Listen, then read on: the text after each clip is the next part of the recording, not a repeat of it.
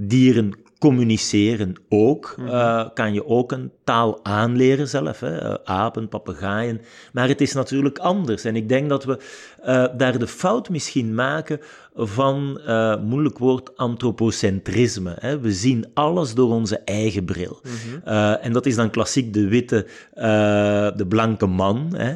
die zich ja, arrogant heeft opgesteld, toch historisch. Hè? Die keek al naar de vrouw en die zei, ja heeft die wel die capaciteiten? Natuurlijk niet, hè? die krijgt toch geen stemrecht.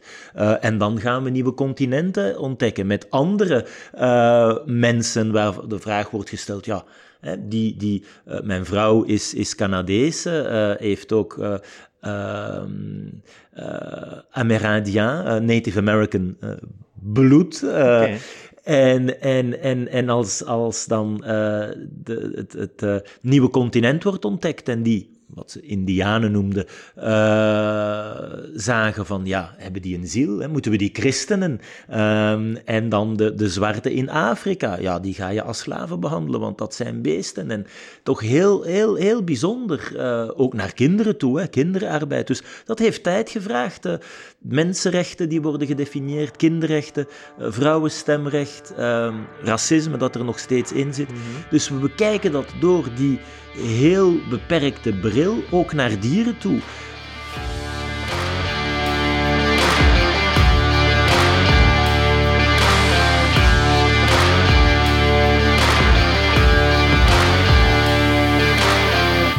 We zitten nog in november, dus we blijven nog heel eventjes in de sfeer van de Try-Vegan maat. Vandaag gaat het niet alleen over mensen, maar ook over dieren. Dat thema laat ik in de bekwame handen van professor Steven Laurijs. Zijn tweede passage trouwens in de podcast. Daarmee wordt hij een beetje de huisneuroloog in het gezelschap. Ik wist niet dat ik een huisneuroloog nodig had, maar ik ben meer dan zomaar blij dat ik er eentje heb. 20 november is het en daar wil ik nu even bewust bij stil blijven staan. Niet onmiddellijk omdat die specifieke dag belangrijk is, maar omdat het onderwerp vandaag bewustzijn is, bij zowel mens als dier. Er is vandaag meer dan voldoende wetenschappelijke overtuigingskracht dat wij niet de enige diersoort zijn met een bewustzijn, met emoties en met iets dat ik het liefst omschrijf als een identiteit. Ik ben daar de laatste jaren heel veel over gaan leren. En ik kan hiervoor eerlijk gezegd geen betere woordvoerder bedenken dan Steven. Hij vraagt om mild te zijn en om niet in dogma's te denken. Dat past perfect bij hoe ik het zelf zie. Ik blijf van mening dat we beter af zijn met een aantal miljard mensen die hun best proberen doen in plaats van een miljoen perfectionisten. Vandaag is dus niet zozeer een pleidooi voor het ene en tegen het andere. We zitten in een soort van bewust middenveld. Het gaat over dat gezegde van die geïnformeerde man die er opeens twee waard lijkt te zijn. Deze aflevering is om te informeren, om bij te leren om daarmee dan een eigen denkoefening te maken. Ik ben de eerste om toe te geven dat mijn bereik niet verder gaat dan dat. Toen ik met de podcast begon, nam ik mezelf voor om opnieuw te leren luisteren en om mensen uit te nodigen om te willen luisteren naar anderen. Het valt me in zijn tweede hoofdrol op hoe genuanceerd, bescheiden en eerlijk Steven communiceert. Een echte bondgenoot in die mindset. Altijd nieuwsgierig en eeuwig gebeten om te leren. Iemand die al 25 jaar onderzoek doet, maar dan toch zegt: eerlijk, ik weet het niet. Ik ben er mij heel bewust van dat dit niet zomaar vanzelfsprekend is. Net zoals zijn deelname aan de aflevering trouwens. Waarvoor nog een keer merci Steven. Nog even dit. Ik draag de aflevering vandaag op aan twee mensen. Cecile is de rechterhand van Steven Laurijs en overtuigd veganiste. Het is echt dankzij haar dat deze aflevering kon plaatsvinden. Zij houdt hem, en dit zijn zijn woorden, op het ethisch juiste pad als het gaat over maaltijden. Ik kan niet anders dan geloven dat zij hierdoor ook een invloed heeft op zijn werk rond het bewustzijn bij dieren. De tweede persoon waar ik deze aflevering heel graag aan opdraag, is vandaag slechts 8 dagen oud. Ik ben nu een dikke week de Peter van Sam en ik ben nu al helemaal verliefd. Wat we samen gaan doen, weet ik nog niet, maar het wordt beter dan alledaags geniaal. Ik heb het gevoel dat ik genoeg gepraat heb nu. Ik wil luisteren en ik wil leren. Het woord is aan de professor die het boek over bewustzijn schreef. Hier is Steven Laurijs.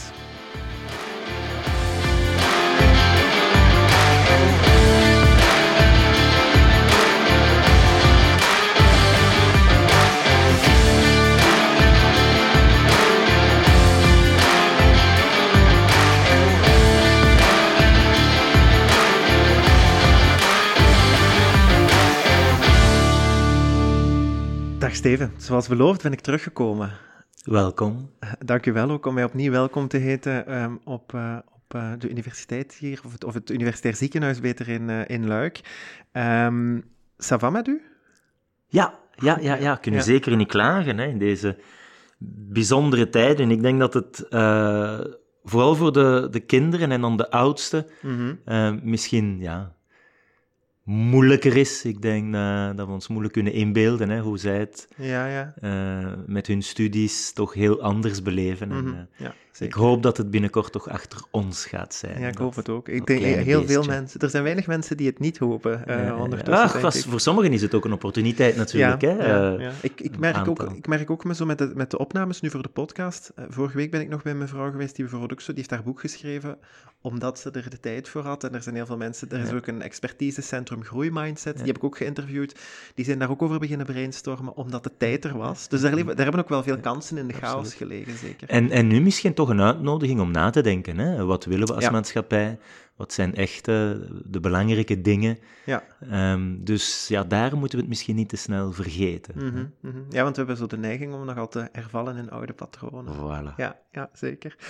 Um, Steven, de, de geboorte van deze aflevering lag eigenlijk in de vorige die we samen hebben opgenomen, waar dat we het uh, hadden over uw no-nonsense meditatieboek waar dat je ook in het begin heel eerlijk vertelt van, kijk, uh, wij zijn daar thuis toch hè, bewust mee bezig. Uh, jij noemt u zelf ook flexitariër, denk ik, maar een van uw kinderen is vegetariër. Ja, twee. Of twee. Uh, en dat is ons ethisch voorbeeld. Hugo is nu 19, maar ja, ja vanaf dat hij tiener was, heeft hij beslist, oké, okay, ik, ik beschouw dieren als mijn vrienden en die eet ik niet op. En zijn uh, jongere broertje, Matthias, is daar nu ook in gevolgd. Maar, okay. maar zonder uh, extremisme, hè? Mm -hmm. geen, geen um, smetvrees uh, ja. of, of anderen het kwalijk nemen. En als hij ergens komt en, en, en ja, er komt vlees op tafel, dan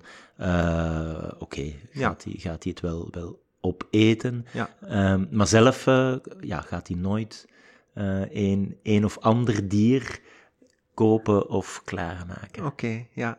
En, um, want de rest is een beetje gevolgd. Het feit dat jij bijvoorbeeld flexitariër bent, maakt dat daar toch ook wel een, een beweging van het gezin in gezeten heeft. Ja, ja, in het boek, hè, in ons meditatieboek, uh, beschrijf ik hoe hij toch een discussie heeft teweeggebracht thuis. En ik, uh, met mijn vrouw, uh, niet noodzakelijk evident om, om dan uh, ja, apart te gaan koken. En dan had ik hem een, uh, ja, iets wijsgemaakt. Hè. Uh, als, je, als je geen vlees eet, dan krijg je geen haar op je tisch. En dat heeft gewerkt. dat was heel, heel, helemaal niet, niet, niet, niet correct natuurlijk. En dan komt daar Mathieu Ricard. Hè. Ja. in 2015 zijn we thuis logeren en, en uh, dus het onderzoek dat we dan doen naar meditatie begint te discussiëren met uh, mijn oudste zoon Hugo en die zegt, ja, allee, wat heeft uw papa u daar wijs gemaakt? En dat is fantastisch dat je dat hebt beslist. En dus sindsdien is hij inderdaad uh, heel consequent ons ethisch kompas. Ja, en ook bij de scouts bijvoorbeeld, hè, waar dat hij nu leider is, maar in der tijd uh, op kampen, ja, ze noemden hem uh, Monsieur Broccoli, hè, ja. want daar eten ze saucissen op de barbecue ja, en spaghetti bolognese. En ja, hij heeft zich daar toch heel consequent aan gehouden. Dat vind ik heel knap. En, en zelf um, durf ik me geen, geen vegetariër noemen. We hebben een aantal simpele beslissingen genomen. Bijvoorbeeld uh, de melk hè, is, is, is niet meer de melk van de koe um, voor, het, voor het hele gezin. En, en we gaan minder, minder vlees mm-hmm. uh, aankopen en eten. Um, en, en ik vind het vooral belangrijk om, om na te denken. Alleen kunnen we dieren beschouwen als objecten. Hè? Ja, en, en, en, in de hele uh, voedingsindustrie, denk ik, is het gewoon um, te ver uh, doorgedraaid. Je wil niet weten waar die hamburger vandaan mm. komt of dat kippenboutje. Uh, dat zijn schokkende beelden. En, en als je dan uh, ja, daar niet kan naar kijken, is er toch iets fundamenteels fout. Mm -hmm. en, en, en dat vind ik echt belangrijk. Natuurlijk ook als, als hersenonderzoeker met bewustzijn al, al meer dan 25 jaar bezig wat we natuurlijk niet kunnen doen alsof dat die beesten geen bewustzijn hebben. Hè? Ja, ja zeker. dus dat, dat vind, ik, vind ik belangrijk om het daar tenminste over te hebben. Ehm, en ja, erover na te denken, mhm. van kan het niet anders. Mhm. zit, zit daar bij u ook de motivatie in? Zo? Het, het, um, want ik hoor, u heel, ik hoor u het heel sterk hebben over het ethische aspect. Ehm, van, van hoe dat wij omgaan eigenlijk hè, met, met ja, noem het vlees en vis. Um, maar bijvoorbeeld, ja, vanuit uw rol ook als arts, speelt het bewustzijnsgegeven ook mee? Absoluut. Ik, ik denk dat dat, uh, dat dat het belangrijkste is. Uh, voor mij is het echt die, die ethische invalshoek van uh, kunnen we ja, varkens, koeien, kippen, uh, vissen echt beschouwen als uh, objecten, hè? ook in onze taalkeuze. Hè? Zeevruchten, ja, dat ja. zijn natuurlijk geen, geen, geen, geen, geen, geen, geen planten, geen vruchten. Dus ik, ik beschouw dat echt als een, een biologisch gegeven, dat, dat ehm, die andere diersoorten toch ja, iets meer respect en, en, en aandacht. En, en, en uh, dat je die niet zomaar met, met tienduizenden kunt samensteken en je enige zorg is dat die ja, een goed product uh, worden en, en mm -hmm. vol met antibiotica en, en uh, vaccins. Ik denk nu ook met, met opnieuw het COVID gebeuren, hè, waar er mogelijk een link is hè, tussen ja. die... die dolgedraaide industrie waar ja, uh, miserie moet van komen natuurlijk. Hè. Als je dus tienduizenden uh, dieren samenpropt en, en, en je geeft die allemaal antibiotica, dan krijg je natuurlijk resistente bacteriën en kiemen en je gaat die dan allemaal vaccineren. En dat, dat is om ellende vragen en, en mhm. dat zien we dus nu gebeuren uh, met een virus. Uh, ik denk dat, en dat zeggen ook de, de experts, Ehm, dat het zeker niet het laatste zal zijn. Dat we daar echt moeten over nadenken. Uh, we zitten niet alleen op deze planeet. En ehm, ja, daar, daar uh, ben ik van overtuigd dat we uh, echt moeten nadenken. En voor mij is dat de grote volgende revolutie in de bioethiek. Mm -hmm. Van um, dierbewustzijn en, en hoe we daar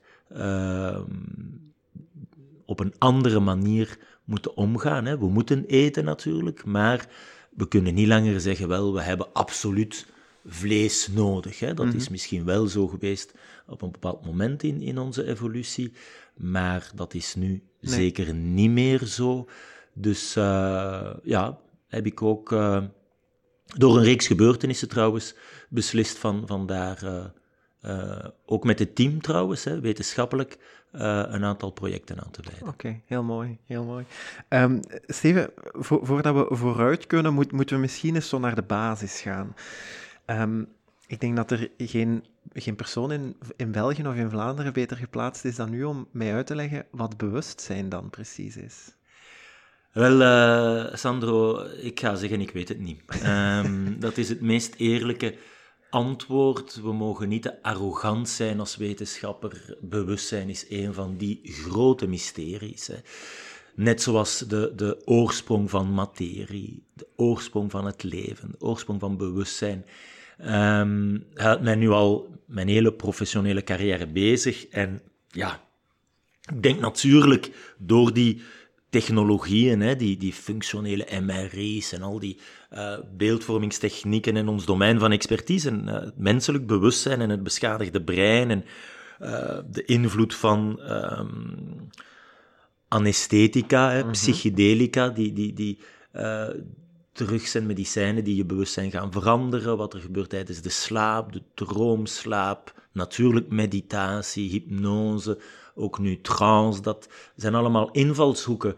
Uh, wij echt, en dat is een bewuste keuze, kijken naar de mens en zijn geest, gedachten, ervaringen, uh, emoties. Um, en het is moeilijk omdat de patiënten die we hier met het team zien, hè, dus ik heb die Coma Science groep opgericht en dan daarna de, de Giga Consciousness Research Unit. We zitten hier de Universiteit van Luik, een 40, 50-tal uh, briljante breinen, hè, onderzoekers die, die uh, op alle mogelijke manieren gaan proberen hun steentje bij te dragen. En uh, ja, in al die situaties, coma en, en de bewustzijnstoornissen erna, waar mensen niet kunnen communiceren, of een algemene anesthesie of diepe slaap, is het dus die grote vraag, wel, ja, wat gebeurt er nu hè, in de geest, in het brein van die persoon die daar voor me ligt? Uh, en zij of hij is natuurlijk de enige die dat ervaart. En ik denk dat we dat historisch uh, zijn er een aantal fouten waar we één bewustzijn als alles of niets, hè, binair, je hebt het of je hebt het niet, ja. uh, beschouwen. En twee, uh, ja, dat hebben uh, ondergeëstimeerd, hè, dat we als we zo aan het bed op intensieve zorgen van een, een coma-patiënt staan, ja, dan gaan we bepaalde responsen, motorische responsen, interpreteren als een bewijs van aanwezigheid of afwezigheid ja. van bewustzijn. En dat is beperkt. En dat is eigenlijk hetzelfde uh, bij een reeks andere situaties. Uh, wanneer ontstaat het bewustzijn na je geboorte? Ja. Hè? Of misschien zelf al in utero, hè, tijdens de zwangerschap. Of op het einde van het leven. Mensen die dement, mm -hmm. Alzheimer, eindstadia ook niet meer kunnen communiceren. Um, of dieren. Ik denk dat we daar de historische fout hebben gemaakt van, ja, Um, ik kan er niet mee communiceren en dus is er niks. Mm -hmm. um, en dat is fout. Ik denk dat we daar nu heel duidelijk weten dat bewustzijn um, ja, heel veel dimensies heeft. Hè. Mm -hmm. uh, met het team hebben we twee bewustzijnsnetwerken geïdentificeerd. Uh, ik denk dat dat heel erg helpt, hè, dat we die neuronale correlaten, hè, met het team hebben we daar toch serieus aan bijgedragen, nu beter kennen. Maar de grote vraag, hè, ik heb hier een brein in mijn handen, dat materiële object, hoe geeft dat ergens het immateriële bewustzijn, ja. gedachten, percepties, emoties? Wel, dat weet niemand. Oké. Okay. Maar ik hoor u wel zeggen, um, en dat zeg ik een beetje als leek, hè, um, er is, een, er is een, een brein of een centraal zenuwstelsel nodig om bewustzijn te kunnen hebben. Natuurlijk als neuroloog, het object hier, uh, het brein is ja, belangrijk. Mm -hmm. hè? Mhm. En, en historisch hebben we dat anders gezien. Hè? De oude Egyptenaren dachten dat je ziel, je geest in je hart zat. Hè? Mm -hmm. en, en die gingen dat uh, bijhouden, uh, ook na de dood uh, en het hele balsemproces en het brein werd via de neus gewoon weggegooid. We weten nu dat ja, als dat brein natuurlijk ons domein van expertise beschadigd is na een trauma, na een bloeding, na een zuurstoftekort, uh, wel, dat gaat echt veranderen. Hè? Uh, wie je bent, je persoonlijkheid, je gedachten, percepties, emoties, dat is natuurlijk niet onbelangrijk. En als je dat gaat veranderen met medicijnen, zoals we net zeiden, uh, een algemeen anesthesie, heel blij dat dat bestaat als ik ja. een operatie moet ondergaan. Um, dus tot op heden hebben we wel uh, die reeks onderzoeken en die, die kennis die is opgebouwd binnen het domein van de neurowetenschappen en de neurologie, uh, waar we zien, ja, het brein is belangrijk voor het genereren van bewustzijn. Maar ik uh, denk dat je als wetenschapper heel kritisch moet staan, ook naar je huidige uh, kennis en wat je denkt te begrijpen. En met een heel ja, uh, open vizier, hè, zonder a priori dogma's. Uh, het is niet aan ons om te beslissen hoe de natuur functioneert. En zolang dat we het niet hebben begrepen, denk ik, moeten we voorzichtig zijn. Een onderzoeksdomein waar we ook heel erg op inzetten zijn bijna doodervaringen. Hè. Dat is voor velen een soort bewijs dat er bewustzijn kan zijn, buiten het brein. Ja. Uh, misschien een kleine oproep als dat even mag. Hè. Het is een fascinerend gegeven. We hebben nu um, honderden mensen die die getuigenissen met ons delen. Um, en, en we begrijpen niet, hè, hoe is het mogelijk, iemand met een hartstilstand, dat brein heeft zoveel energie nodig, hoe is dat uh, te verklaren dat in die situatie je dan toch mensen hebt die achteraf zo'n hele intense mm -hmm. ervaring vaak positieve emotie, hè? Eh, ook die uh, out-of-body experiences, waar ze zichzelf zien van buitenuit. Dus dat is um, dan voor sommigen het bewijs dat het uh, niet noodzakelijk enkel in het brein zit. Dus een kleine oproep, als je zulke ervaring hebt gehad, contacteer, deel die NDE van Near Death Experience, NDE apenstaart uliège.be, omdat we daar eigenlijk gewoon moeten zwijgen en luisteren naar degenen die dat hebben ervaren, want okay. bewustzijn is een persoonlijk subjectief gegeven. Maar natuurlijk met die wetenschappelijke methodologieën waar we echt gaan metingen doen. Um, en uh, tja, niet weten uh, hoe gaan onze kinderen, kleinkinderen, achter, achter kleinkinderen ja. misschien denken over dit probleem. En net zoals ja, er veel is gebeurd sinds um, Newton en, en zijn ja. uh, natuurkundewetten. En dan heb je een Maxwell en dan heb je een Einstein. En dan ja, uh, gaat die wetenschappelijke kennis natuurlijk op zijn uh, grondvesten daveren. Dus die paradigm shifts. Dat kan absoluut, ook in mijn domein. Mm -hmm. Maar momenteel beschouwen we het bewustzijn als een uh, ja, functie van het brein, maar opnieuw, uh, en, en, en een van de theorieën uh, van Giulio Tononi, een, een, hele goede vriend en collega, waar ik samen het, The Neurology of Consciousness mee heb geschreven, hè, de neurologie van het bewustzijn, waar we stellen wel, misschien is bewustzijn een, een fundamenteel aspect van de natuur, een, een fundamental property, hè. Mm -hmm. um, misschien zelfs universeel. Hè, dan ga je al snel naar het panpsychisme uh, uh, daarbij aanleunen. Uh, en dus die theorie van integrated information, die zegt dat om bewustzijn te hebben, moet informatie worden geïntegreerd. Hè. Kan je daar dan wiskundige formules aan vastkoppelen? Dat beschrijf ik in het eerste boek, hè, het briljante brein, van wat weten we over bewustzijn. en dus belangrijk dat je als wetenschapper echt um, niet dogmatisch denkt. Mm -hmm. Het brein is belangrijk, dat is een feit, dat zie ik elke dag in mijn consultatie. Mm -hmm. uh, en als je een trauma hebt, ervaar je de, de consequenties. Maar um, is er meer en zijn er dingen die ons ontsnappen? Zeer zeker, dus voorzichtigheid en uh, gewoon nieuwsgierig blijven en dan heb ik ook geleerd van ja, gewoon met um, verwondering hè, ja. te kijken naar dat grote ja. mysterie dat bewustzijn is. Oké. Okay. Ik, ik, ik, ik wou ook een beetje een cliché de wereld uithelpen, of toch zoiets dat heel vaak um, aan, aan mij gezegd of gevraagd wordt. Sinds ik zo begonnen ben aan mijn, aan mijn avontuur in zo het veganisme, heb ik nogal wat vrienden die dan af en toe eens tegen mij zeggen... Uh, ja, maar Sandro, je weet toch dat, uh, dat planten ook pijn voelen? Uh, en, en dat is dan het argument om, om op tafel te werpen, om te zeggen, ja, het, wat jij doet is ook niet, dat is geen foutloos parcours. Um, dus dan, dan duwen we alles van tafel af. Um, hoe, hoe, is dat? Zit daar een, een wezenlijk verschil in? Ik denk dat we, um, gegeven dat we moeten voorzichtig zijn, want bewustzijn, wat jij op dit moment denkt, dat dat ken alleen, uh, ken jij alleen. Uh, het is denk ik wel duidelijk dat, dat dat brein een rol speelt, dat zenuwstelsels en dat de complexiteit daarvan.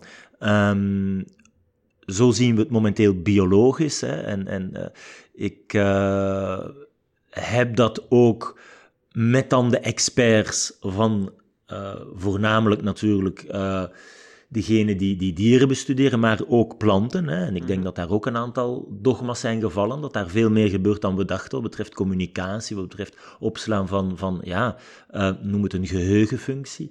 Um, dus dat dat bewustzijn um, iets is dat ons momenteel uh, ontsnapt dan, uh, als het gaat over echt een, een, theorie die, die de zaak verklaart, maar die toch waarschijnlijk uh, progressief binnen de evolutie van die verschillende levensvormen is ontstaan. Dat is niet lineair. En dat er dus wel een verschil is tussen wat jij ervaart met jouw brein um, en wat je hond of wat een aardworm of wat inderdaad uh, mogelijk bomen of andere plantvormen um, gaan, gaan kunnen als het gaat over het, het aftoetsen van de omgeving, hè, wat, mhm. wat belangrijk is voor elke levensvorm. Um, maar daar dan echt een, een subjectieve ervaring aan gaan koppelen lijkt me uh, de redenering van, van, van je vrienden die zeggen, ja, hè, uh, die wortel heeft misschien ook een bewustzijn, dus uh, laat mij nu rustig hier mijn, mijn kippenboutje opvreten en, en ik trek mij niks aan van, van wat er met die kip is gebeurd. Dat lijkt me toch um, bizar als redenering, ehm, omdat we dus wetenschappelijk kunnen toch ergens opmeten. Hè? Wat, wat uh, is de capaciteit, hè? Die, die cognitieve capaciteit van andere zoogdieren? Uh, natuurlijk, de primaten, de apen, staan heel dicht bij ons. Mm -hmm. um, en, en daar zijn verschillen, daar hebben we heel erg op gefocust historisch, want we willen absoluut hè, onszelf als anders beschouwen. Is niet zo evident, want telkens als we denken dat er iets specifiek en uniek menselijk is, ja, kan je daar al snel uh, uitzonderingen of, of, vragen bij stellen. Taal bijvoorbeeld is er één, hè, maar dieren communiceren ook. Uh, kan je ook een taal aanleren zelf, hè? Uh, apen, papegaaien. Maar het is natuurlijk anders. En ik denk dat we uh, daar de fout misschien maken van, moeilijk woord, antropocentrisme. Hè? We zien alles door onze eigen bril. Mm en dat is dan klassiek de witte, de blanke man, hè? die zich ja, arrogant heeft opgesteld, toch historisch. Hè? Die keek al naar de vrouw en die zei, ja heeft die wel die capaciteiten? Natuurlijk niet, hè? die krijgt toch geen stemrecht. Uh, en dan gaan we nieuwe continenten ontdekken met andere uh, mensen waar de vraag wordt gesteld, ja, hè, die, die, uh, mijn vrouw is, is Canadese, heeft ook Amerindiaan, Native American bloed. Okay. En, en, en, en als, als dan de, het, het nieuwe continent wordt ontdekt en die wat ze Indianen noemden, uh, zagen van, ja, hebben die een ziel? Hè? Moeten we die christenen? Um, en dan de, de zwarte in Afrika, ja, die ga je als slaven behandelen, want dat zijn beesten. En toch heel, heel, heel bijzonder, uh, ook naar kinderen toe, hè? kinderarbeid. Dus dat heeft tijd gevraagd. Uh, mensenrechten die worden gedefinieerd, kinderrechten, vrouwenstemrecht, ehm, racisme dat er nog steeds in zit. Mm -hmm. Dus we bekijken dat door die heel beperkte bril ook naar dieren toe. En, en ja, het bewustzijn van de kat kan je moeilijk begrijpen met je mensenbrein. Ja, die heeft zintuigen die wat anders zijn en nog meer voor de vleermuis en nog meer um, voor, voor die uh, diervormen die ja, uh, hele andere uh, symbolische weergaven van, van hun ervaring gaan, gaan kunnen hebben. Uh, nachtzicht, uh, warmtedetectoren, echolocatie. Ja. Dus ja, die, die hebben de mogelijkheid tot perceptie, hè, tot emotioneel bewustzijn, pijnervaring, toch hier belangrijk in het hele debat, uh, mm -hmm. ook ethisch. Uh, voor bepaalde uh, diersoorten ook gedachten, hè, de capaciteit om te anticiperen, te plannen. En opnieuw is dat iets progressiefs, niet lineair, en dan gaan zeggen, ja, hè, de wortel heeft dat ook, dus ik kan hier gelijk wat doen hè, ja. met uh, de, de, de, de orang-oetang uh, of de gorilla. Uh, dat gaat toch al snel wringen. Mm -hmm. Ik mhm. denk dat je, um, als je, als je zo'n beest in de ogen kijkt, je niet comfortabel voelt. Hè? Als je die een ja, een, een, een, schade toebrengt. Ja, um, en dat de studies opnieuw echt hoe langer, hoe meer aanduiden als we gaan um, kijken in detail van hoe zit dat nu? Met niet alleen aandacht, geheugen, maar ook emotie, empathie. Mm -hmm. uh, dat als we goed kijken, dat we daar veel meer zien dan we opnieuw historisch dachten. En groot, goede vriend van mij is een expert in, in het uh, octopusbrein. Hè. Ah, het is verschrikkelijk, dat is zoals kijken naar leven op Mars. Hè. Die zijn brein zit in zijn armen. Ja. Um, en wat die allemaal kunnen en op heel, uh, want ze leven niet zo lang, korte periode aanleren dat is, dat is bijzonder. Daar is een hele mooie documentaire over op Netflix. Absoluut, zeker een aanrader. Ehm, dus ja, dat je, dat je daar rekening mee moet houden, hè, met die nieuwe inzichten. Dat lijkt me uh, echt belangrijk. Natuurlijk moet je je voeden. Hè. Um, maar ik denk dat we, omdat we juist dat bewustzijn hebben en ook die ethische vragen kunnen stellen, denk ik, moeten we ze stellen. Mm -hmm, en dat zeker. is historisch zo naar um, vrouwen, kinderen. Hè. We zijn uh, nu is het onvoorstelbaar van, van, van uh, slavenhandel hè, ethisch goed te keuren. Dat heeft tijd gevraagd. Uh, in der tijd was dat ja, zelf de, de, de grondleggers van, van Amerika, hè, die, die, die beschouwden dat natuurlijk. Uh, slaven, dat is toch uh, dat is iets anders. En, en op dezelfde manier, denk ik, uh, gaat dat voor ja, misschien nog een paar generaties duren, waar ze gaan denken, hoe is dat mogelijk? Hè, wat dat die allemaal met die andere levensvormen hebben gedaan. Um, maar goed, dat, dat vraagt dus tijd. maar dat het gebeurt, dat is voor mij een evidentie. Mm -hmm. Kunt je daar wat verder op ingaan ook? Want je had zo zelf die, die studies al aan, hè, waar we gaan kijken naar emotie, naar empathie. Wat, wat, wat, weten we daar vandaag eigenlijk over? Wel, opnieuw, ik denk dat we... Um, bewustzijn is een, een touchy subject. Hè? Het... Uh, Wetenschap wordt gedaan door wetenschappers, uh, opnieuw historisch blanke mannen. Uh, nu gelukkig uh, niet zo, maar daar is ook nog heel veel werk trouwens. Hè? Ja. en ja, ik denk dat we Denk aan Descartes, die, die, die arrogante redenering hebben gehad van oké, okay, wij zijn de enige met een bewustzijn, een geest, een ziel. Godsdienst speelt daar ook een belangrijke rol. Hè. Er zijn niet zoveel godsdiensten waar dieren in het paradijs komen hè, of, of uh, positief worden afgespiegeld. Dus uh, ja, de studie van het bewustzijn was uh, historisch not done. Hè. Dat, dat was, uh, religie had daar een verklaring en dan de filosofen met een theoretische benadering, maar dat je echt dingen gaat opmeten is vrij recent. Descartes dacht nog, ja, wij zijn de enige met bewustzijn en die dieren, dat zijn, ja, uh, en, en, automata. Hij noemde het redeloze machines. Voilà, uh, hè, dat is ja. verschrikkelijk. Hè. Ja. Dat is een, gewoon ja. instincten en, en, en, en reflexen, automatismen, dus een heel mechanistische visie, um, die daar ons ineens, hè, uh, binnen de evolutie. Darwin had een heel andere visie.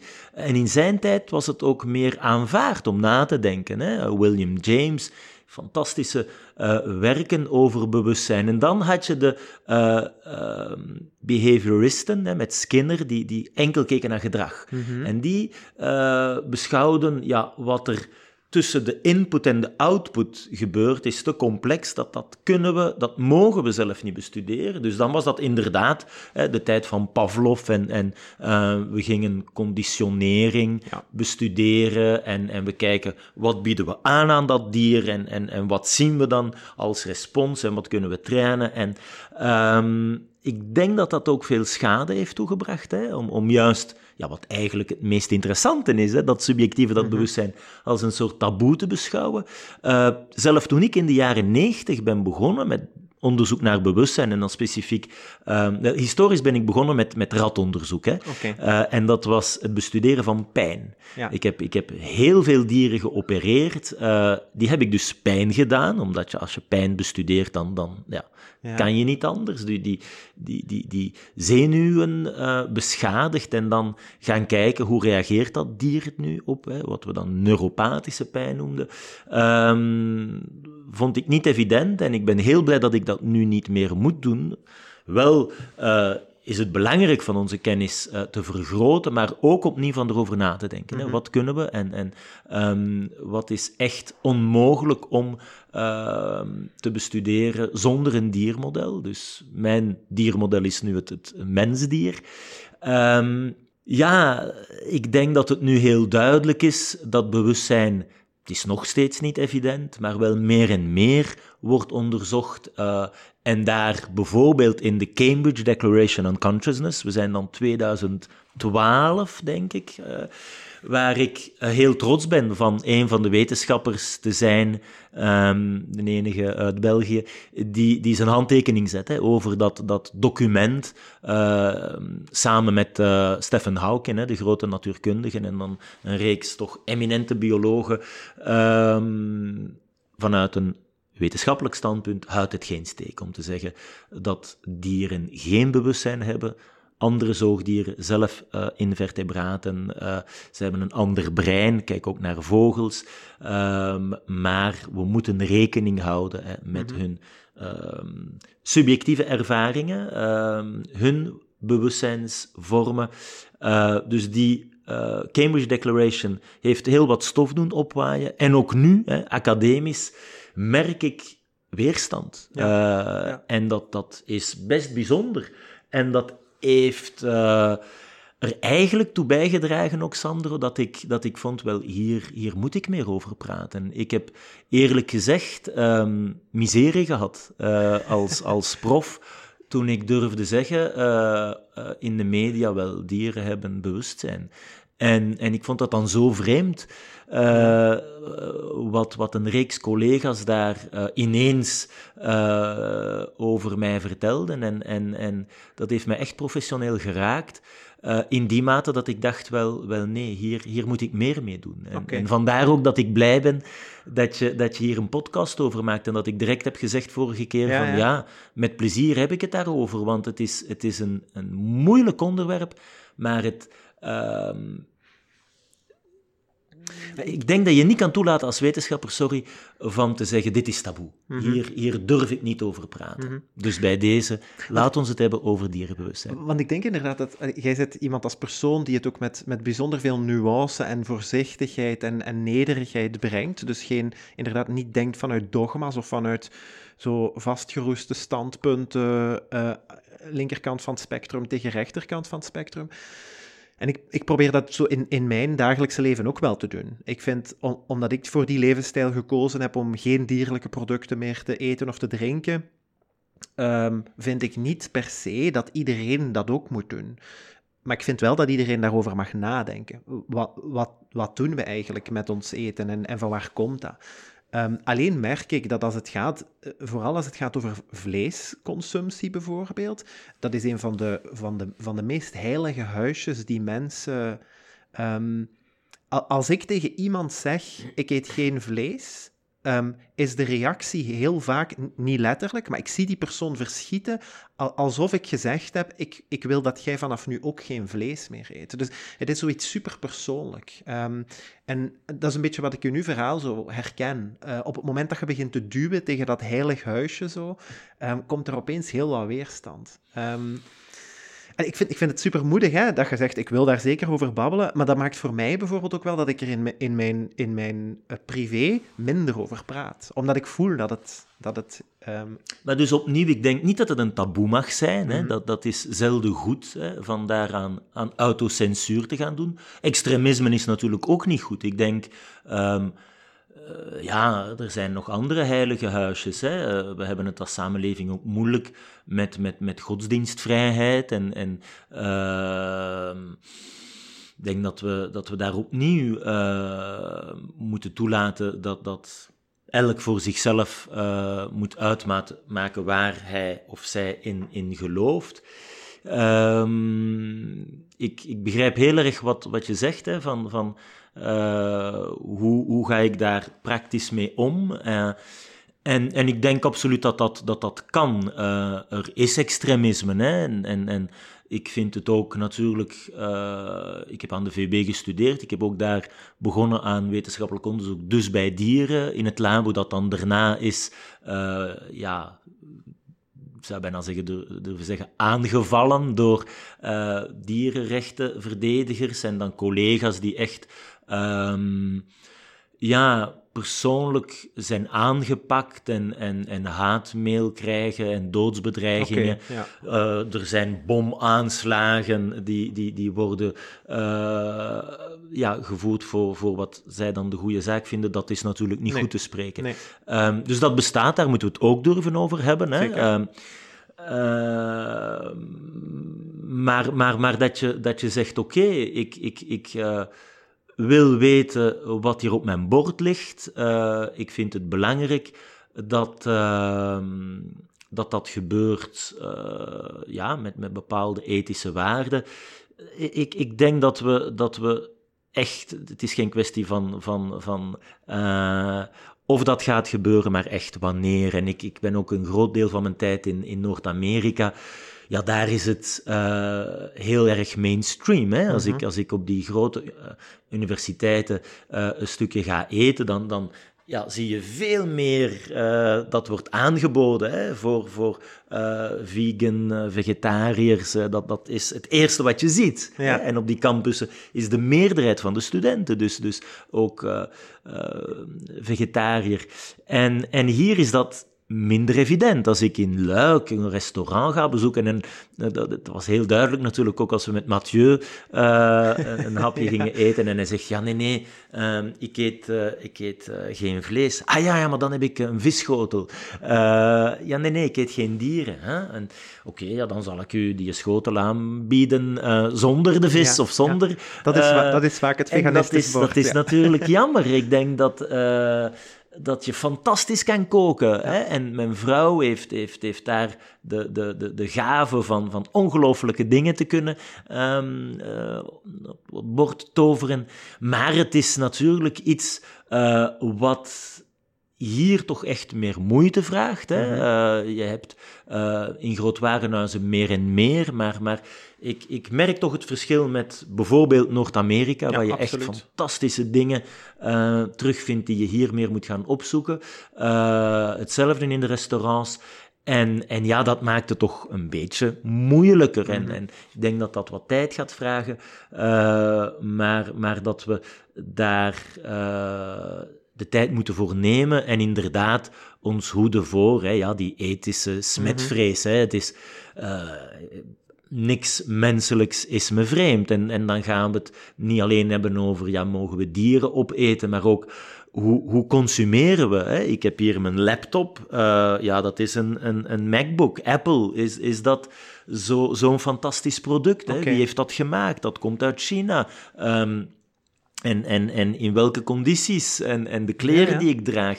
Dus dat gaat, dan, dat, dat gaat dan heel ver.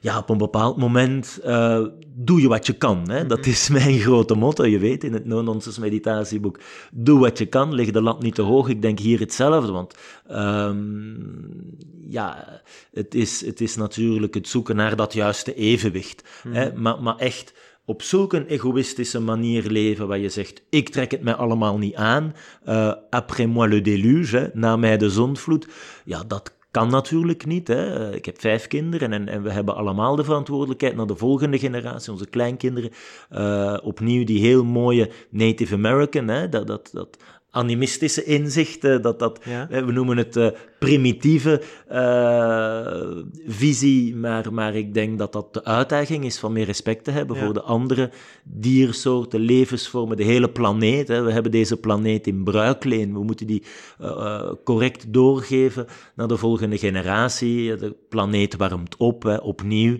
Heel inspirerend wat de jeugd momenteel doet. Hè. Ja, de, de twee oudsten die daar op de barricades gaan staan en die klimaatactivisten zijn, opnieuw fantastisch dus het gaat natuurlijk veel verder dan enkel uh, ben, ik, ben ik vegetariër of, of, veganist. Um, maar ja, doe dat op een manier die je natuurlijk nog toelaat van, van te functioneren. Maar zoals je correct zegt, tenminste er even over nadenken. Ja, ja. want ik ben zelf ook wel voorstander van zo het het gegeven van een evolutie in plaats van een revolutie, zo, om, om niet in extreme te, te vallen. Ik merk ook gewoon, je krijgt het meest gedaan ook, door, door een zaadje te planten dan uh, een deur in te beuken. Zo. Mensen zijn daar niet klaar voor op dat moment. En, en uh, dat is ook mijn poging nu, bijvoorbeeld, met een aflevering zoals deze, om uh, mensen heel, al is maar heel eventjes te laten nadenken van oké, okay, dit doe ik en waarom doe ik dat? En is dat eigenlijk wel een, een, goede, een goede houding om dat zo te doen?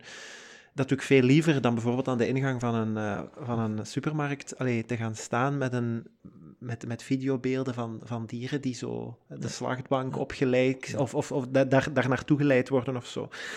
Um, ik, ik, ik, ja, je hebt die minderheid ook wel nodig, Absoluut, denk ik. ja. Ik ging het net zeggen. Er is heel veel respect ook. Uh, ik heb sinds, sinds het hele gebeuren, en ik zou zeggen mijn uh, persoonlijke crisis en, en, en bijna een professionele burn-out, met heel dat gebeuren rond, rond dierenbewustzijn en uh, dat ik toen toch ben hard aangepakt. Uh, ook gesprekken gehad met, met uh,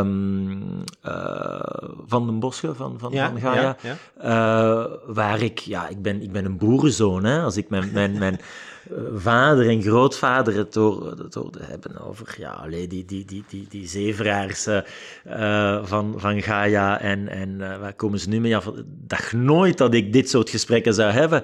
En, en toch is het natuurlijk een evidentie uh, dat, we, dat we daar moeten over nadenken. En dat wat zij toch historisch in België en wat we in Europa zien gebeuren, dankzij die acties, is, is, best, is best belangrijk. Hè? We, het doet er mij aan denken, met mijn vrouw kwam onlangs thuis met de, um, niet de foie gras, maar de foie de foie gras hè, van Gaia. Fantastisch. En, en dat nu ja, de nertskwekerijen uh, in, in België gesloten zijn, dat we madame met een bontjas, hè, het is al sinds Urbanus, uh, toch uh, scheef bekijken. En, en kan dat wel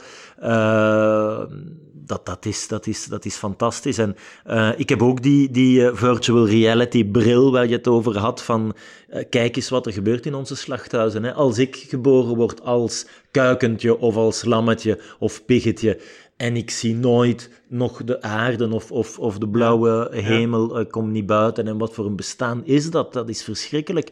Um, ja, ik denk dat er toch iets fundamenteel fout is als we dan wegkijken. Um, dus net hetzelfde met slavenarbeid, met, met uh, wat we historisch hebben gemaakt van grote fouten en hoe we dat proberen recht te zetten. Hè? Mm -hmm. uh, ik ben inderdaad nog met de kinderen um, een paar maanden geleden in, in die uh, natuurreservaten uh, in, in uh, Noord-Amerika, de, de, sorry, de, de, de, de Native Americans reservaten.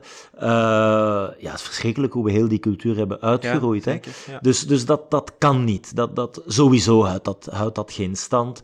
Um, en, en ja, je hebt dan al die actievoerders nodig, maar zoals je zegt natuurlijk, met, met het respect van... van ja, omdat ik, uh, omdat ik er zelf ook een beetje moeite mee heb in zo een, een poging om inderdaad het, het leven van een dier gelijkwaardig te maken. Um, wat dat ik op zich een, een heel correcte reflex vind om mensen te doen nadenken, maar daardoor pijn veroorzaken bij een ander mens, vind ik, vind ik dan dat, dat is de stap te ver. Um, om, omdat dat op, op zich, dat staat voor mij haaks op heel het ethische gegeven. Ja. Uh, dus dat uh, opnieuw, ik denk dat, dat, dat je, uh, dat is een heel complex debat. -hmm. ik zie het echt ehm, niet als een zwart-wit verhaal. ik denk dat we opnieuw vanuit wetenschappelijk en ethisch standpunt dit kunnen zien als een continuum. Um, als het huis in brand staat, ga ik natuurlijk de kinderen redden. Ik ga ook proberen onze huisdieren te redden. Um, maar uh, ja, ik, ik, ik, ik absoluut heb diezelfde reflex als jij van te zeggen, ja, maar oh, uh, uh, dat, dat, dat is anders. En ik denk dat dat ook een, een, een ja, wetenschappelijke realiteit is, dat mm -hmm. dat anders is. Zoals we net hebben gezegd, het, het, de, de, fout, denk ik, die we maken, is van dat telkens door onze bril te zien. Hè? Ja. Van, ja, maar droomt die kat nu en, en wat droomt ze dan? Maar ja, dat is om, om, omdat we dat telkens terugbrengen naar onze dromen. En, en dat zie ik ook bij de patiënten die, die ik elke dag zie, hè, met zo'n hersenbeschadiging. Van ja, maar wat is nu die levenskwaliteit? Ja, afgetoetst naar mijn levenskwaliteit als gezonde man die ja, alles, alles kan. En, en uh, leven met een handicap is anders. Um, maar... Uh, ja, dat we, dat we moeten opkomen hè, voor hun rechten, dat, dat, dat, is, dat is ook zo. Mm -hmm. uh, en en um, ja, daar denk ik is een, een groot maatschappelijk debat uh, mm -hmm. nodig. Um, en opnieuw, ik, ik, ik zie bij de jongeren dat dat, dat al, al door een andere bril wordt bekeken. Maar het, het gaat dan soms ook heel ver. Hè.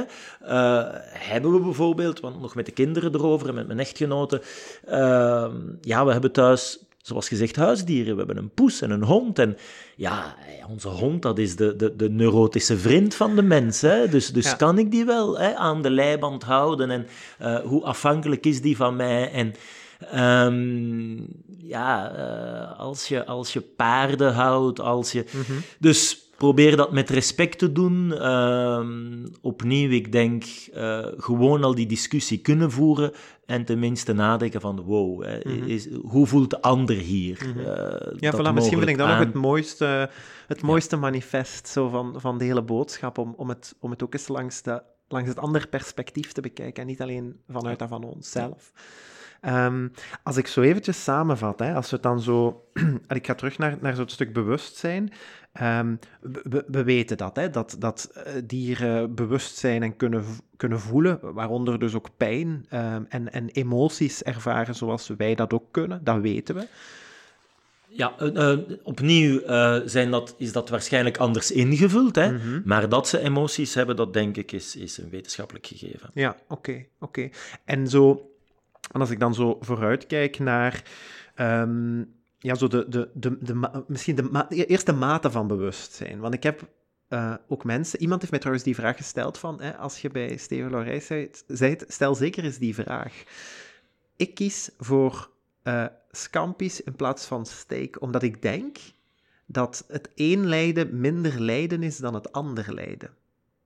Wel, ik ook. Oké. Okay. Um, en, en opnieuw, mijn oudste zoon, die, die eet geen scampis. Mm -hmm. uh, ja, ik denk dat dat inderdaad levensvormen zijn met een centraal zenuwstelsel, die uh, om te overleven hun omgeving ervaren, hè, die daar een symbolische representatie van maken, die dus ook navenant gaan een motorische respons hebben, die naar voeding gaan, die um, ja, uh, zaken die niet aangenaam of comfortabel zijn vermijden.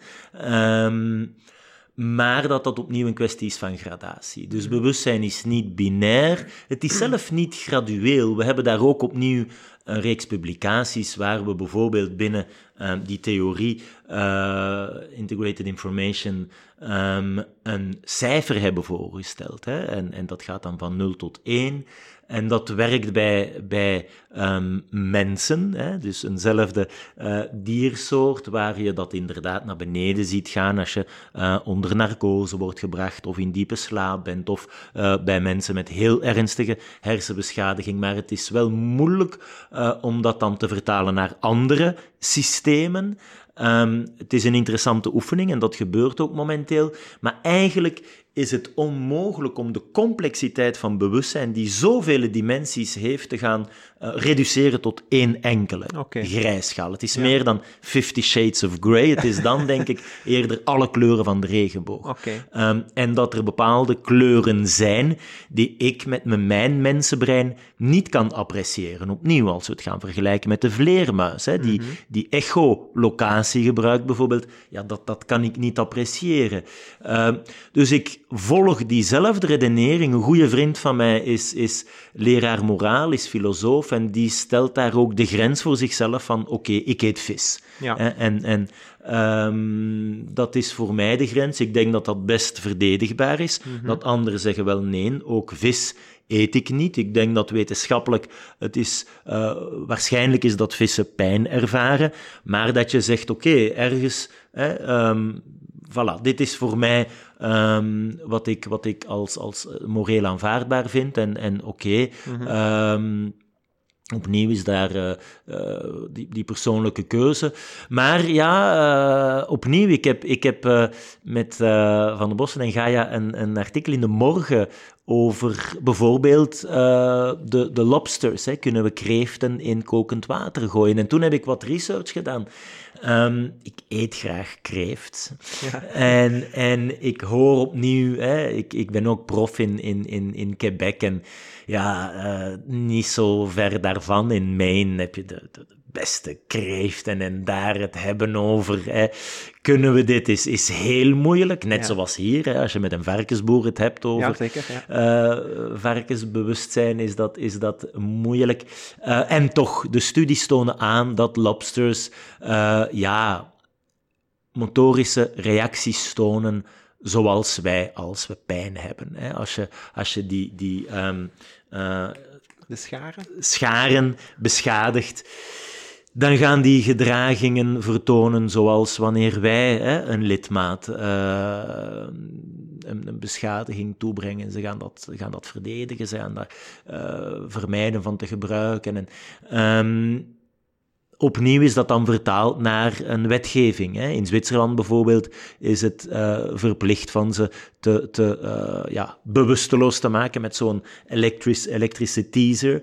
Uh, want opnieuw, dat, dat centraal zenuwstelsel dat, dat zit over dat lichaam verspreid. Okay, ja. Zelfs als je een hoofd eraf hakt, is dat minder evident. En ja, dat is interessant dat je daarover nadenkt en dat je tenminste kijkt, oké, okay, wat is hier nu aangetoond? Ik volgend jaar ga ook praten in Gent, een groot congres van, van diergeneeskunde. Um, met Van der Waal, de grote uh, primatoloog, hè, expertise over um, mensapen, en, en mezelf, de twee, de twee keynote speakers, dan uh, vanuit mijn domein van expertise. En ik vind dat best fijn, ja. out of my comfort zone, hè, om met die uh, experts, dan biologen, primatologen, even samen te zitten en na te denken. Um, want te lang hebben we het onderwerp ook wetenschappelijk vermeden. Hè. We gingen geheugen bestuderen bij dieren, dat kon, aandacht, perceptie, uh, maar ja, pijn kon je het al moeilijk noemen. Bewustzijn was helemaal een taboewoord. En nu, hoe langer hoe meer, gaan we toch, en ik probeer daar opnieuw mijn, mijn steentje bij te dragen. Ik ben um, een tijd de, de, de, voorzitter geweest van die Association for the Scientific Study of Consciousness. Mm -hmm. um, en daar breng je dus al die mensen samen. Hè, ook de filosofen, de wetenschappers, de, de biologen, de artsen. Um, en, en ik heb toen ook geprobeerd om hen te verplichten hè, van het C-woord, het consciousness, um, bewust ja. te, gaan, uh, te gaan gebruiken. Van, van allee, kunnen we hierover nadenken? Wat bedoelen we eigenlijk als we zeggen dit is reflex of dit is automatisch en dit is uh, een, een conditioneerd uh, iets en, en dit is dan wel cognitief uh, uh, en, en, en uh, higher order. Hè. Um, ik denk dat we dat kunnen, dat we dat moeten. en dat we zo die stukjes van de puzzel, die heel complex is, waar we niet kunnen zeggen, hebben we nu 50% begrepen ja. van het probleem, of 5% of 0,005%.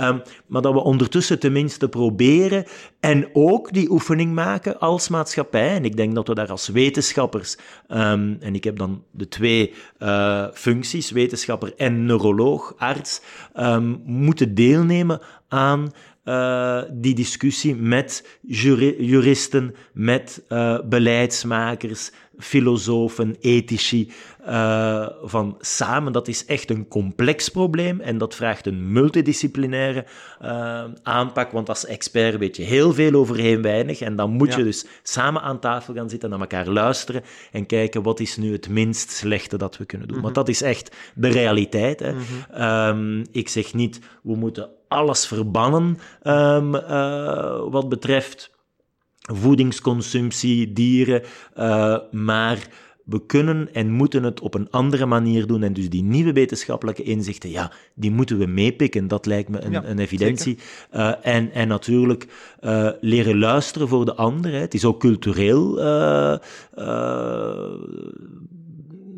anders. Ik ben ook een deel van mijn tijd in Japan, in China. Er zijn al hele grote verschillen tussen die twee landen. Ja. Indië. Uh, als je daarover bewustzijn hebt, ik was daar op een, een groot congres uh, over uh, bewustzijn waar ja, die proffen um, heel andere cultuur en, en, en, en, en, en dat is dan toch ook gestoeld op hun inzichten die, wow, hè, voor hun is reïncarnatie gewoon een feit. En zij ja. hebben heel, heel ander uh, zicht op bewustzijn en, en, en dat uh, universele en, en dat alles met elkaar uh, in verbinding staat. En, en wow, dat is iets heel anders dan wat ik heb geleerd ja. natuurlijk op de NIF. En, en beide zijn we ergens, ja ik ga niet zeggen slaaf, maar beïnvloed door wat we hebben geleerd op school en in onze, ja, hier joods-christelijke, ginder dan die hindoe- en boeddhistische cultuur. En dat is best interessant. En dat is ook waar ik heel veel heb geleerd van Mathieu Ricard en zijn fantastische boeken hè, over uh, dierenrechten. Maar ook met de Dalai Lama, waar ik aan tafel mee zat en... Um, toen was het uh, vegan, maar ik weet dat hij vlees eet. Hè. We hebben het daar ook over gehad. En hij zegt, ja, dat is niet evident voor mij, want ik ben opgegroeid uh, in, in een, in een uh, gebied waar, ja, wij zijn grote vleeseters. Dus de Dalai Lama is geen veganist. Hij eet zijn steak, maar, en ook Mathieu Ricard, hè, als hij in Nepal, uh, in, in, in zijn klooster daar, ja, de dieren hebben daar natuurlijk een heel ander bestaan dan degene die hier uh, in onze uh, industriële molen zitten. Dus um, ja, dat, dat, dat is echt een, een fantastisch onderwerp waar we, denk ik, nog heel veel gaan moeten discussiëren en naar elkaar luisteren. Ja, zeker. zeker. Dat is altijd belangrijk. Hè? Nu, um, zo eh, er zijn zo twee dingen die, waar ik graag zo vanuit uw perspectief zo uw inzicht is rond zou willen hebben. Want um, ik, ik, ik hoorde nu met, met de Cambridge Declaration zeggen hè, dat, dat, dat dat ook een beetje een, een manifest was als het ging over dierenproeven en zo, die zaken. Um, factory farming hebben we ook al aangehaald, dat dat inderdaad ook een probleem is en dat we daarover moeten nadenken minstens, hoe, dat we dat beter kunnen doen. Was, was, zijn er volgens u allee, goede, goede alternatieven? Of ziet jij zoiets in de toekomst van, allee, misschien is dit een, een, een beter alternatief dan wat dat we vandaag doen? Dus mijn, mijn, ik zou zeggen, uh, belangrijkste bezorgdheid gaat over de, de, de, de, ja, het te ver doorgedreven industrialiseren van uh, die, die, die dieren, hè, die we nu ook hè, juridisch als objecten zien. En, en, en dat, dat kan niet nog ethisch, nog trouwens vanuit uh, dan het puur egoïstische, uh, vanuit, vanuit een gezondheidsstandpunt, hè, zoals gezegd. Uh, de zalm die, die, die gekweekt wordt, waar, we, waar we antibiotica en vaccins en al die dat, dat is ook niet gezond voor de, de consument. Dat, mhm. dat is een ander argument dat voor, voor een deel dan hopelijk toch mensen over de streep gaat trekken. Um, dieronderzoek. Als wetenschapper ben ik me heel erg bewust van het belang en, en ik uh, ben niet tegen dierproeven. Um, wel ondertekenaar van het, het opnieuw uh, nieuwe ethische inzicht dat we moeten, als het kan, naar alternatieven zoeken. Ja. Dat kan niet altijd op, op, mhm. op, op, op dit moment. En opnieuw met COVID. Ja, ik ben heel blij hè, dat we ten eerste dat virus hebben kunnen identificeren uh, en, en snel een vaccin hebben kunnen ontwikkelen. Uh, dus het is duidelijk dat we opnieuw, dat, dat is geen zwart-wit verhaal, uh, met de nodige nuance moeten kunnen kijken, oké, wat is nu de uitdaging op dit moment en, en hoe gaan we daar op de minst slechte manier als maatschappij mee, mee om? Um, dus belangrijk uh, van, van daar, hè, replace als je kan, reduce, Uh, en, en, en heel wat gebeurt al. Maar opnieuw, voor mij is het niet goed van één bang te zijn van, van de dialoog. Ja. Uh, of uh, het, het, te gaan uh, autocensureren en niet transparant. Ik, ik zou graag hebben dat ik het grote publiek kan uitnodigen. Kom kijken wat we hier doen. Hè. We doen proeven op ratten. En dat is waarom en dat is hoe het gebeurt. Uh, als, je, als je beschaamd bent voor wat je doet, zowel in de voedingsindustrie als uh, bij dierproeven, denk ik, is er iets, iets fundamenteel mis. Maar opnieuw is dat soms en ten dele te verklaren door ook de extremistische en de uh, ja, uh, niet goed te spreken acties van, van bepaalde de groeperingen. Dus daar moeten we opnieuw um, de juiste nuance en, en, en evenwicht en, en dialoog met z'n allen gaan, gaan vinden.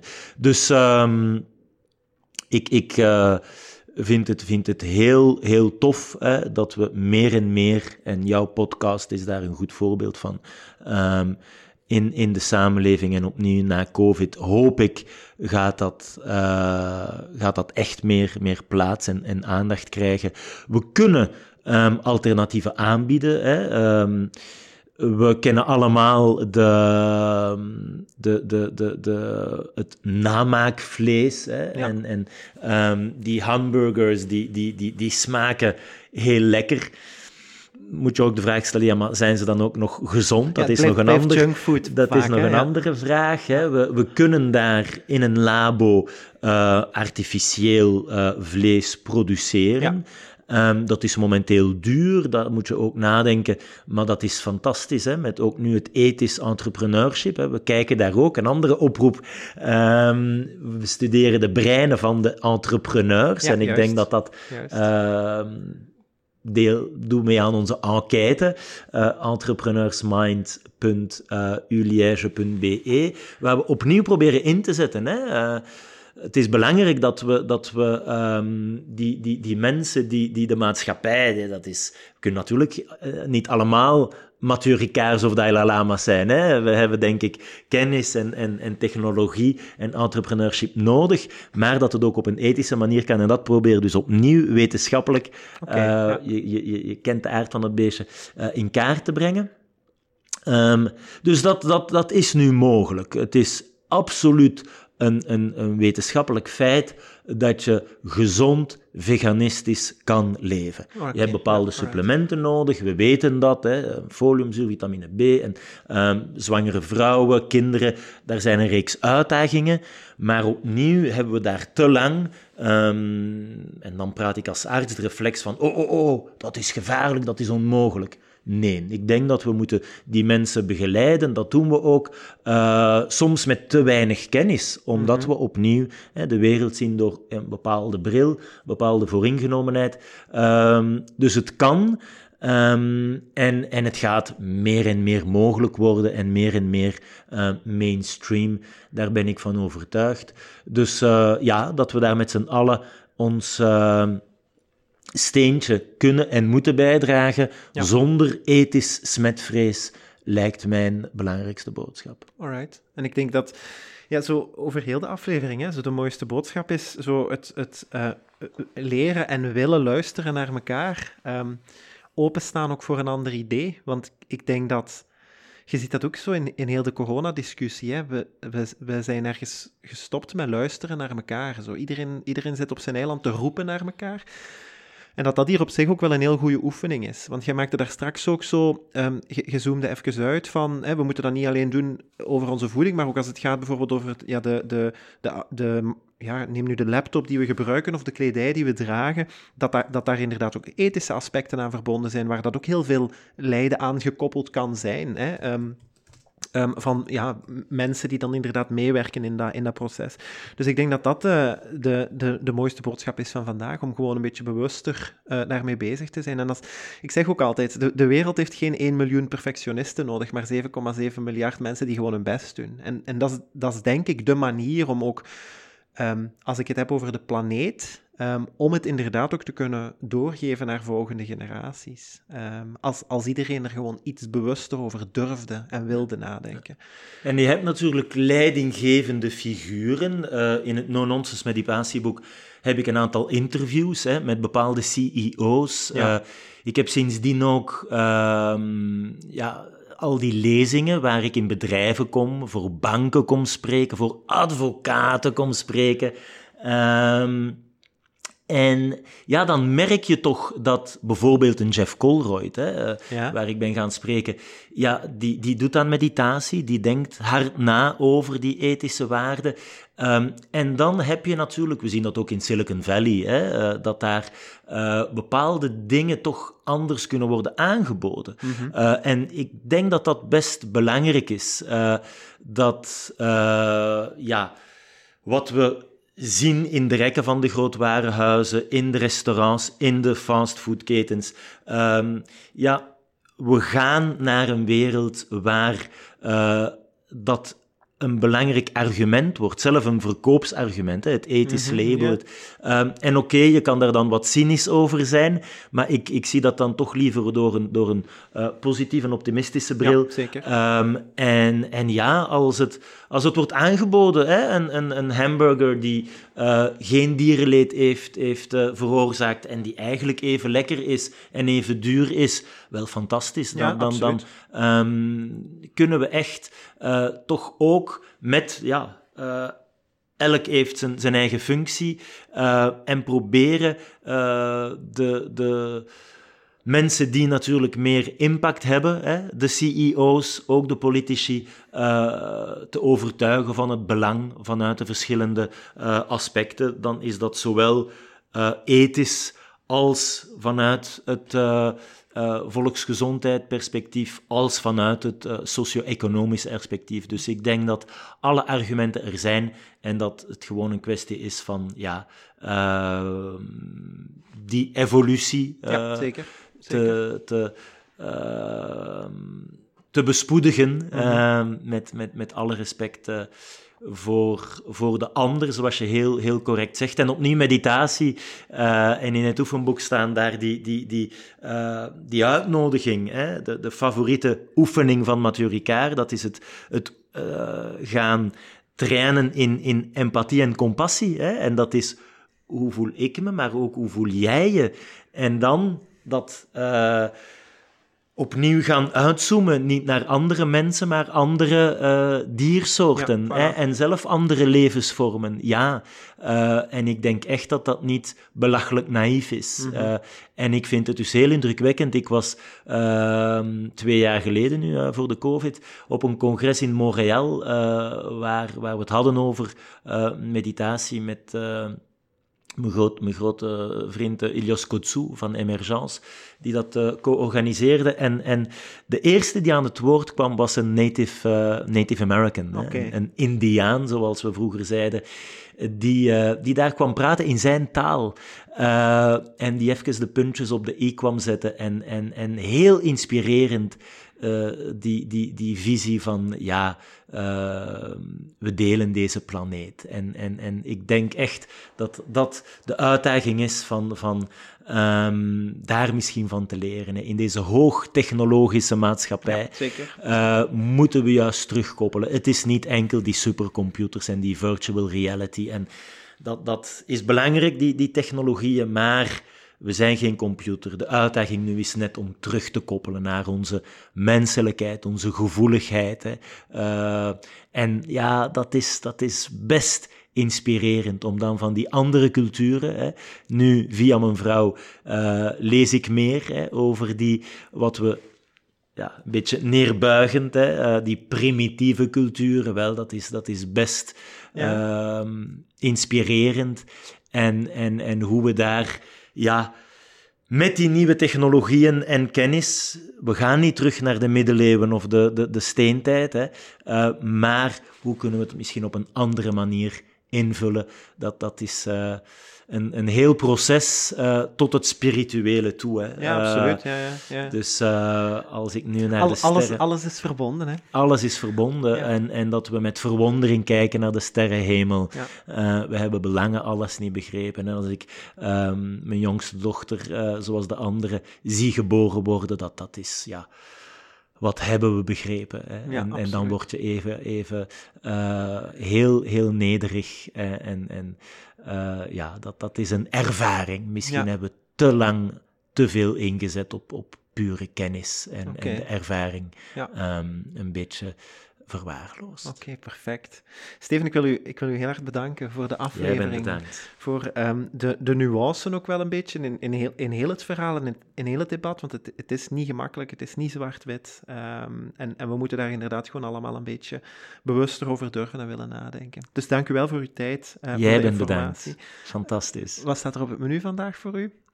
Ik weet het niet. In het eh, ziekenhuis hier ga ik naar de kantine, waar ik wel eh, de directeur van het ziekenhuis heb aangesproken en aangeschreven om meer aandacht te hebben voor de niet-vleeseters Oké. en de, de vegetariërs en de vegans. En dat gebeurt. Maar there's room for improvement. Dus we gaan zien wat de pot schaft. Uh, mijn uh, collega, de, de, de, de Cecile, die mijn, die mijn agenda bijhoudt, is ook ja, klopt, vegan. en dat is altijd fantastisch, want als zij iets organiseert voor mij, dan... Um, zegt ze telkens aan de mensen: ja, hij is vegetariër en, en, en zorg alsjeblieft dat je. Uh, en en dan, dan hoor ik de mensen zeggen: ja, we hebben echt uh, er heel erg. En dan denk ik: ah ja, ze heeft het, ze heeft het goed geregeld, want ik ben eigenlijk flexitariër, zoals je weet. maar zij spoort me permanent aan om toch uh, proberen het rechte pad zo, zo goed mogelijk te benaderen. Dat is heel mooi. En de wereld heeft zijn pioniers nodig. Dus absoluut. Dus bedankt aan Cecile bij deze. Ja, voilà, voilà ook absoluut. Uh, Steven, merci voor uw tijd. Um, misschien tot een volgende keer. Um, maar ik ben uh, um, een, een, veel meer geïnspireerd mens, ook om iets bewuster na te denken, zeker, na, na deze aflevering. Tot later. Jij bent bedankt. Tot later.